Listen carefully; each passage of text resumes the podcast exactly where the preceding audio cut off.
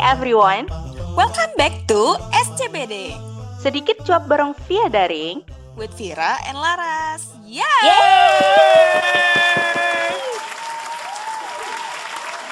Buat teman-teman yang udah kembali ke kegiatan aktivitas sehari-hari, jangan lupa protokol kesehatan ya. Pakai masker, jarak-jarakan, dan bawa hand sanitizer. Stay safe. Hi everyone, welcome back to SCBD.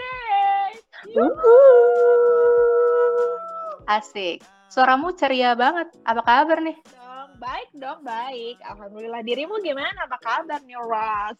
Alhamdulillah, alhamdulillah. Jadi Baik gimana? ya. Ini aku Baik, kelihatannya senang banget ya dari eh, walaupun sebenarnya setiap podcast sepertinya aku terlihat senang gitu ya karena memang style saya seperti ini gitu. ya. Senangnya agak beda gitu. Iya, aku tuh pengen eh, kita membahas sesuatu yang sangat related dengan kita gitu, Ras. Kayak eh, kan Ah. ini episode udah belasan ya, udah hampir 20 Mhm. nih, Ras. Tapi kita tuh belum bahas topik ini yang sangat related dengan kita gitu, Ras. Iya nggak sih? Apa tuh?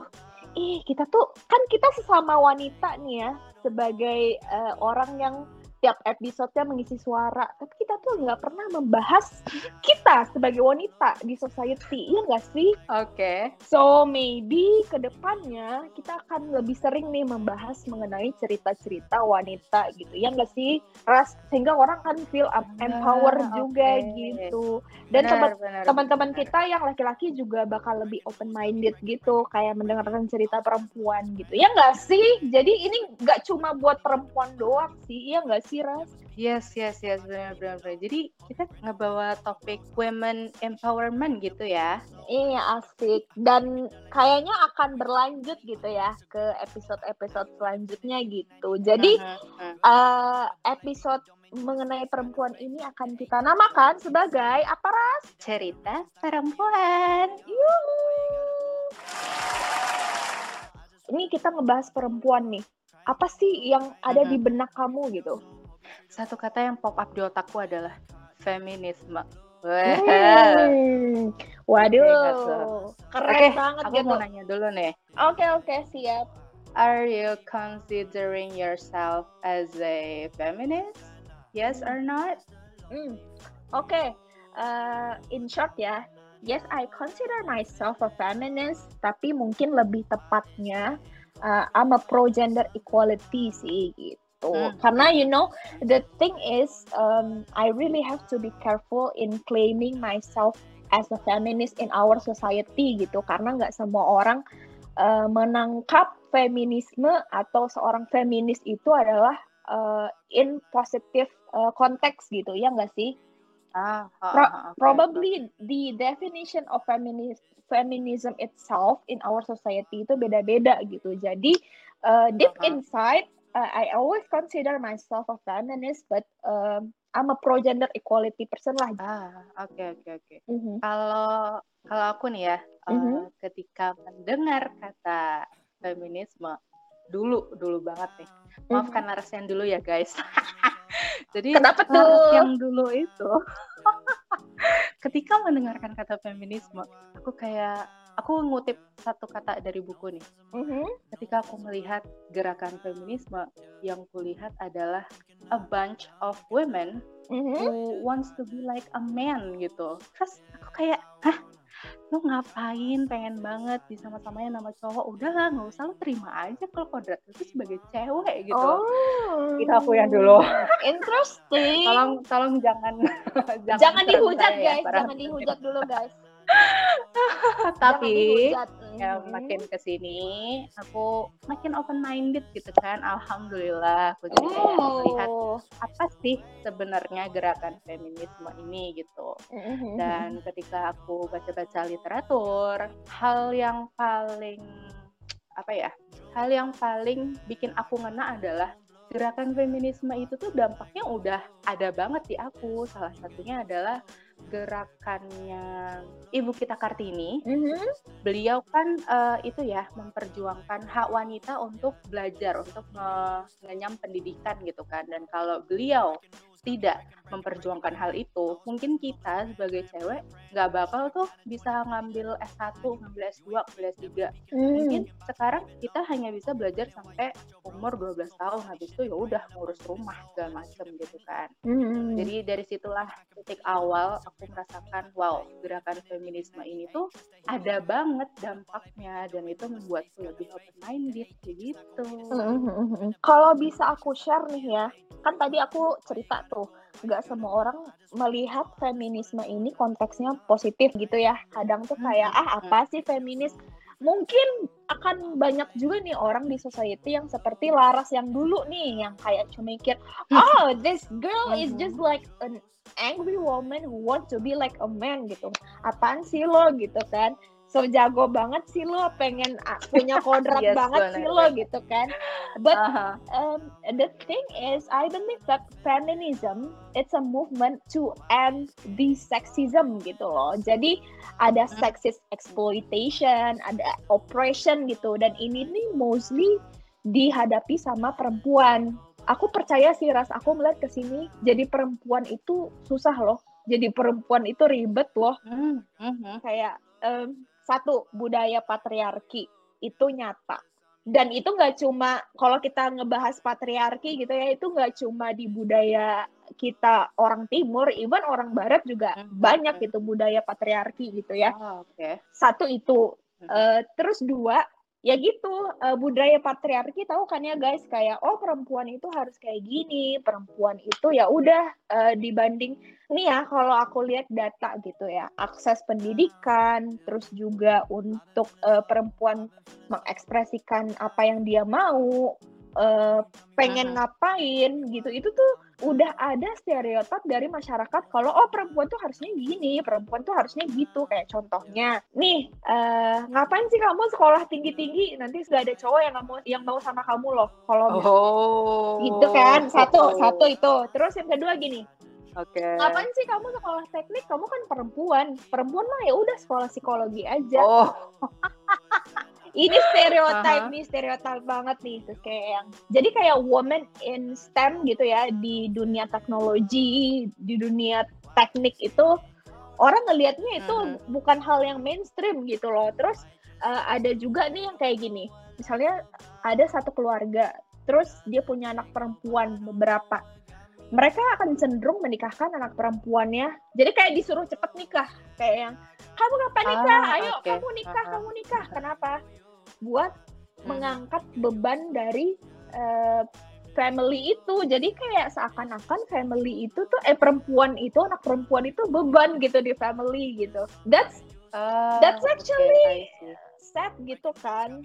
Kayak kita nih apa sih gitu kan? Kita nih sebagai perempuan tuh apa sih?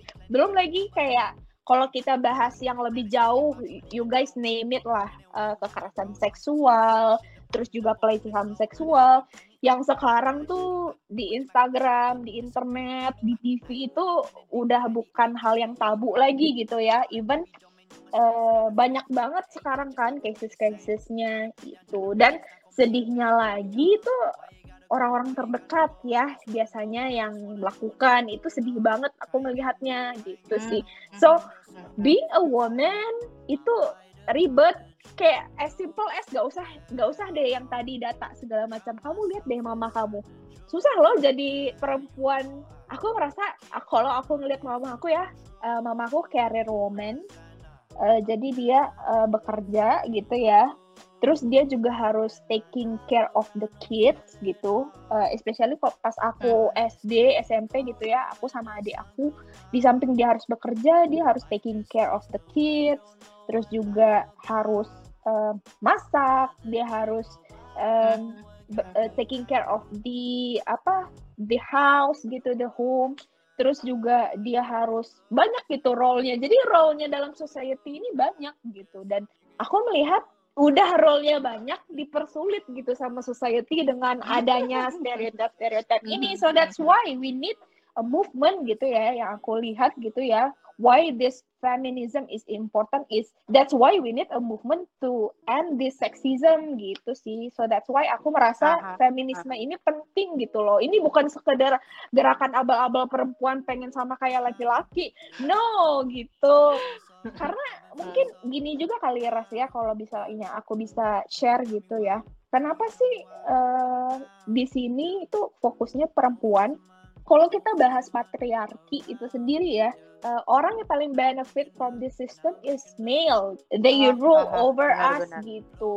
Jadi uh, aku merasa uh, so that's why kita banyak banget perempuan yang uh, merasa kayak oh kita juga pengen gitu jadi bukan kita pengen kayak laki-laki tapi kayak uh, kita tuh sebenarnya punya hak loh. Kita punya undang-undang tuh melindungi kita untuk uh, mendapatkan hak akses yang sama gitu ya. Tiap warga negara ini punya hak akses yang sama untuk basically everything pendidikan kesehatan segala macam lah uh, yang sifatnya hmm. basic needs gitu.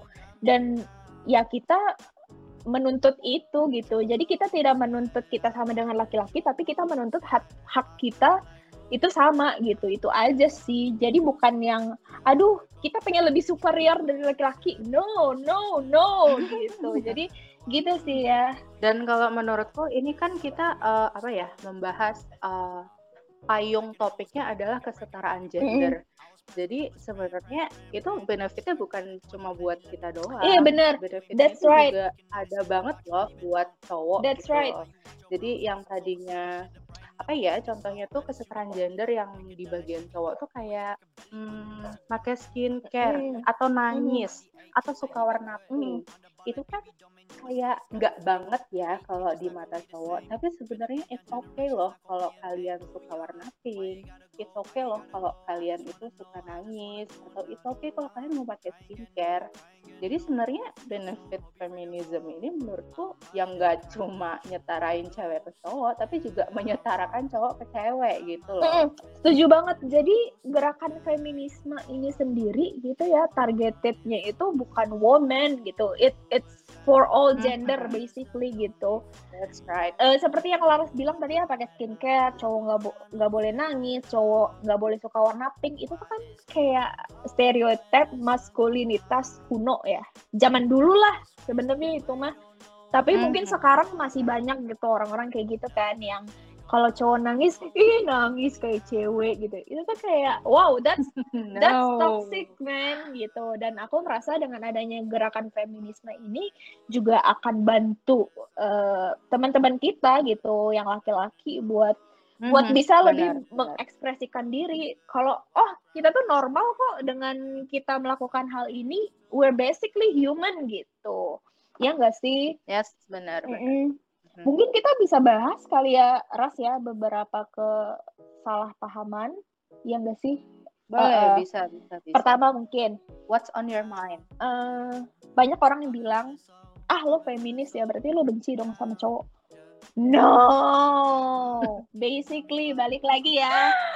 Enggak. Jadi yang pengen kita hit, yang pengen kita smash itu patriarki, itu sistemnya gitu ya dan kita percaya sih harus ada apa sih semacam dekonstruksi ya dari si maskulinitas ini sendiri. So kita tuh nggak nggak benci objeknya, kita tidak benci men gitu, uh, tapi kita tidak menganggap kita harus melemahkan laki-laki untuk menjadi feminis. Itu tuh bukan goals dari feminisme, tapi kita cuma basically seperti yang dibilang tadi, we just want an equality gitu sih untuk akses apa pun dan juga mm-hmm. dimudahkan gitu loh untuk akses apa pun karena balik lagi perempuan itu seperti yang tadi dikatakan kalau menjadi perempuan tuh susah.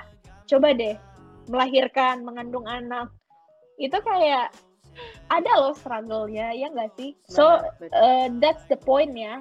Terus, uh, ada juga nih, uh, oh feminis, berarti harus perempuan aja dong yang bisa feminis. Lo berarti uh, eksklusif dong buat lolo dong. No, jadi itu feminis ini tuh kita tuh tujuannya tuh untuk mengatasi masalah-masalah uh, rumah tangga, pemerkosaan, ketidaksetaraan hmm. gender di lingkungan pekerjaan lah, di mana lah gitu kan. Itu tuh tuh buat basically for everyone ya. Kalau aku rasa ya. Jadi nggak cuma buat perempuan dan nggak cuma perempuan yang jadi feminis gitu. Kalian bisa lihat deh, misalnya kalau lagi long march, kalau misalnya lagi uh, International Women's Day, you could find like banyak hmm. juga teman-teman laki-laki aku yang ikut turun ke jalan jadi elis gitu ya buat kita. Dan ini sangat benefit Flores menurut aku melihat. Aku sih salut banget ya ketika melihat Oh, teman-teman laki-laki kita nih banyak banget laki-laki yang sekarang udah open minded gitu ya. Terus eh, mau bantu untuk eh, mengadvokasi gitu ke masyarakat kalau oh isu ini penting gitu loh. Kita tuh harus ikutan loh Eh, jadi laki-laki tuh jangan patriarki loh gitu ya nggak sih? Jadi Hmm. kayak dengan adanya laki-laki ini aku merasa mungkin eh, sesama laki-laki gitu ya bisa lebih relate gitu. Karena ketika kita yang ngomong kita yang keluar-keluar gitu ya perempuan nih yang keluar-keluar di sosial media perempuan yang melakukan aksi gitu ya orang kan melihat oh lu marah-marah lo lo kok so jago? Nah kayak yang tadi kayak di di old laras tadi gitu kan kayak yang oh lu nuntut apa emang pengen apa gitu ya kan? Tapi ketika laki-laki gitu Aha, ketika aha. laki-laki yang ikut turut serta eh, mengadvokasi aku rasa semua orang akan eh, especially laki-lakinya ini sendiri gitu ya akan lebih mengerti gitu. Oh iya ya gitu. Jadi kayak akan merasa lebih relate gitu. Aku mungkin bisa cerita aku punya satu temen dia feminis dan dia laki-laki terus aku tanya dong Mhm. kamu kenapa bisa jadi feminis? Kan jarang banget ya laki-laki yang claiming themselves itu feminis gitu. Terus dia bilang, dia cerita, Mhm. so dia dari keluarga broken home gitu. Terus dia Mhm. memutuskan untuk hidup bersama ibunya. Nah, dari dia umur 10 deh kalau nggak salah. Terus dia bilang kalau Oke, aku mau out to Bram dulu. Bram, if you hear this podcast, you're you're rock man. Gila, lo keren banget. Dia dia bilang gini, eh gue tuh ngelihat mama gue tuh di tidak di trip sama dengan yang lain gitu. Baik itu in basically in everything gitu. Ketika jadi mamanya kan jadi single parent ya, jadi single fighter gitu. Dia harus cari uang buat dia sama adiknya gitu kan, buat nyekolahin mereka dan mamanya ini buat naik jabatan itu disusahin sama company ya as simple as uh, misalnya jadi Hmm. manajer itu dipertanyakan gitu apakah uh, ibu bisa. Ibu kan punya anak. Ibu kan nggak punya suami. Apakah ibu bisa mengemban amanat menjadi manajer? Oh my god. so that's that's so sexist ya kan? Gitu loh. Jadi kayak yang ya Aha. udah perempuan betul. itu ya ya udah gitu. Perempuan itu jadi office housekeeper aja. Orang tuh mikirnya kayak gitu dulu. Dan temanku ini merasa kayak wah ini ya rasanya gitu loh. Di treat kayak gitu nggak enak ya gitu terus juga eh, mungkin banyak dari teman-temannya juga yang suka cerita sama dia. Mungkin Laras juga bisa merasakan ya. Kesel nggak sih kalau misalnya kita jalan di fasilitas umum di trotoar kita pengen ke warung nih? Mhm, mhm. kita bahkan kita udah berpakaian sopan tertutup even mungkin. Laras hijabnya Aha. panjang gitu tapi masih aja tuh kayak yang sweet sweet man assalamualaikum kesel gak sih Kesel gak itu sih? itu terjadi banget di sama kesel aku. gak sih Itu sumpah kesel banget. Jadi pada suatu hari malam jam 9 malam kan Mhm. lapar nih ya, terus pergilah keluar dekat rumah. Karena dekat rumah jalan kaki dong. Jalan kaki kan, aku berdua sama teman cewekku. Terus ketika jalan pulang ada dua bocah Hmm. laki-laki naik Mhm. motor langsung nge-sweetin Tuh kan, bener kan? gitu. Terus tangan kananku tuh megang Mhm. aqua, megang air pengen gua timpuk rasanya tuh iya cowok kan tapi sayangnya dia pakai motor iya kan lalu kemudian aku membandingkan kisahku dengan kisahnya Hana Rashid Eh, Hana Rashid itu juga salah satu aktivis feminisme ya setauku. Jadi dia em, sedang jalan kaki di suatu trotoar di daerah Jabodetabek. Lalu kemudian dia lagi enak-enak jalan kaki di trotoar tiba-tiba abang ojek yang lagi mangkal catcalling si Hmm. Hana. Kalau kalau aku ada di posisi Mbak Hana, aku kemudian akan menimpuk abang ojeknya. Tapi em, dengan hati teduhnya seorang Hana Oroshid gitu kan, mendatangi pelan-pelan, lalu mengedukasi abang ojeknya, Mas nggak boleh kayak gitu, itu namanya pelecehan seksual. Jadi kemudian dia mengedukasi orang-orang yang tidak tahu begitu. Teduh banget Hmm. Mm-mm. Bagus juga ya, berarti kita sebagai perempuan juga mungkin uh, buat edukasi atau advokasi ke mungkin orang-orang nih society mungkin bisa dikasih tahu cara baik-baik gitu ya. Jadi nggak yang marah-marah. Jadi orang tidak kayak yang ah ngapain lu marah-marah? Gitu ya kan. Cuma uh, sebenarnya nih mungkin dari kalau boleh sharing mungkin teman-teman kayak yang oh apa sih ini perempuan marah-marah? Kan biasanya di sosial media ya kayak yang. Mm-hmm. itu tuh karena aku melihat gini sih kita raising this issue gitu ya especially woman ini ya harassment pelecehan seksual dan segala macam itu tuh udah lama kasusnya dari 2 tiga tahun belakangan. Dan Hmm. Kalau aku lihat tuh nggak ada, tidak ada pemerintah tuh not taking this seriously gitu. Hmm. Bisa dilihat juga dari RUU apa? PKS. Uh, RUU PKS yang tidak uh, disahkan juga gitu kan. Sehingga orang tuh hmm. geram gitu. Karena melihat dari data, melihat dari isu-isu yang ada tuh ngeri banget gitu kan. As simple as catcalling ini di uh, normalisasi di masyarakat. Menurut aku hmm. itu udah agak jadi kayak yang ah kamu diam aja ya. Kalau misalnya digituin sama abang-abang oh udah udah diam aja diam aja. Itu tuh sebenarnya tuh kayak udah salah karena kayak membenarkan seolah-olah membenarkan gitu kan. Terus orang yang kayak gini ras misalnya dilecehin diperkosa gitu terus terus orang tuanya jadi malu.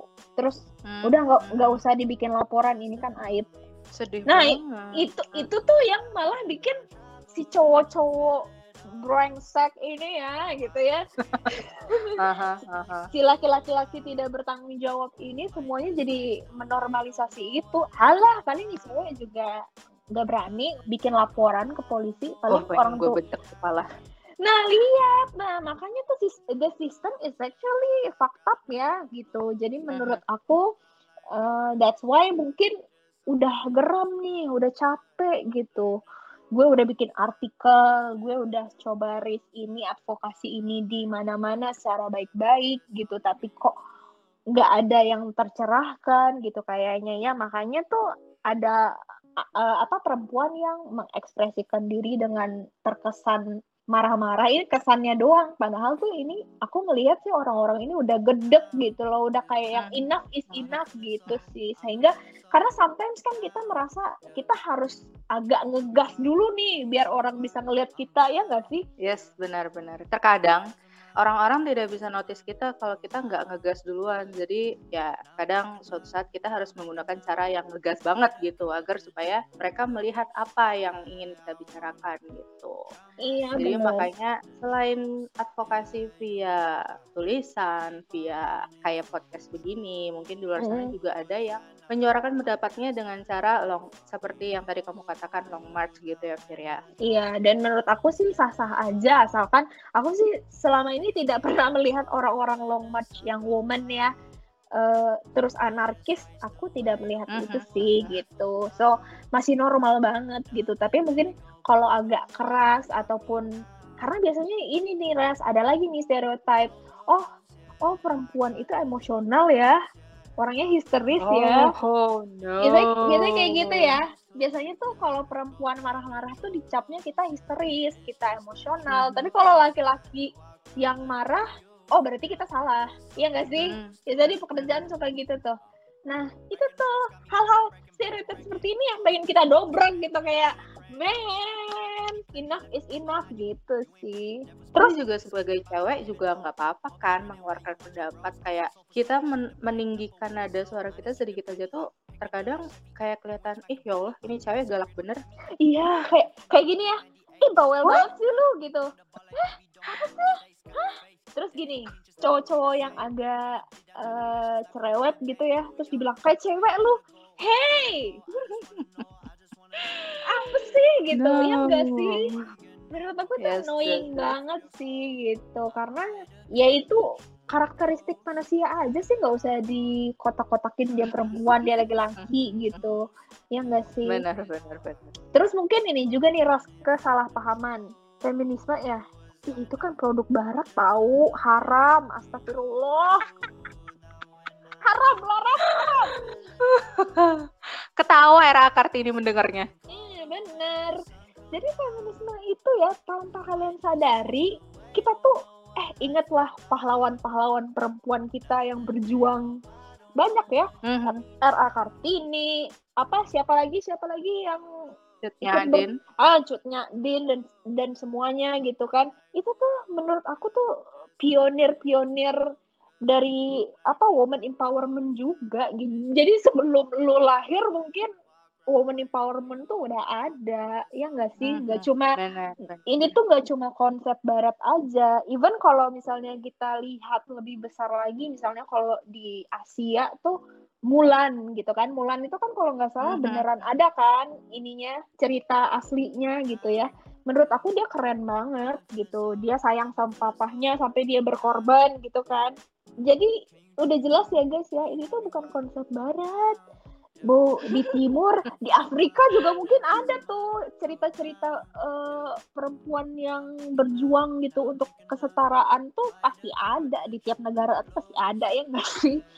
Pasti, pasti ada benar-benar. Mm, Cuma mungkin kelihatannya, kelihatannya di sosial media, oh produk barat nih karena dia di sering banget disandingkan sama beberapa eh, gerakan-gerakan lain gitu. Tapi kalau aku lihat sih enggak ya, ya itu as simple as ini aja eh, era Kartini gitu.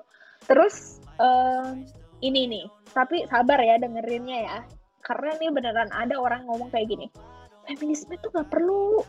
Perempuan tuh udah setara kok sama laki-laki. Udah udah nggak perlu. Wah kayak perempuan tuh kayak kayak gini perempuan tuh sudah dimuliakan kok tempatnya.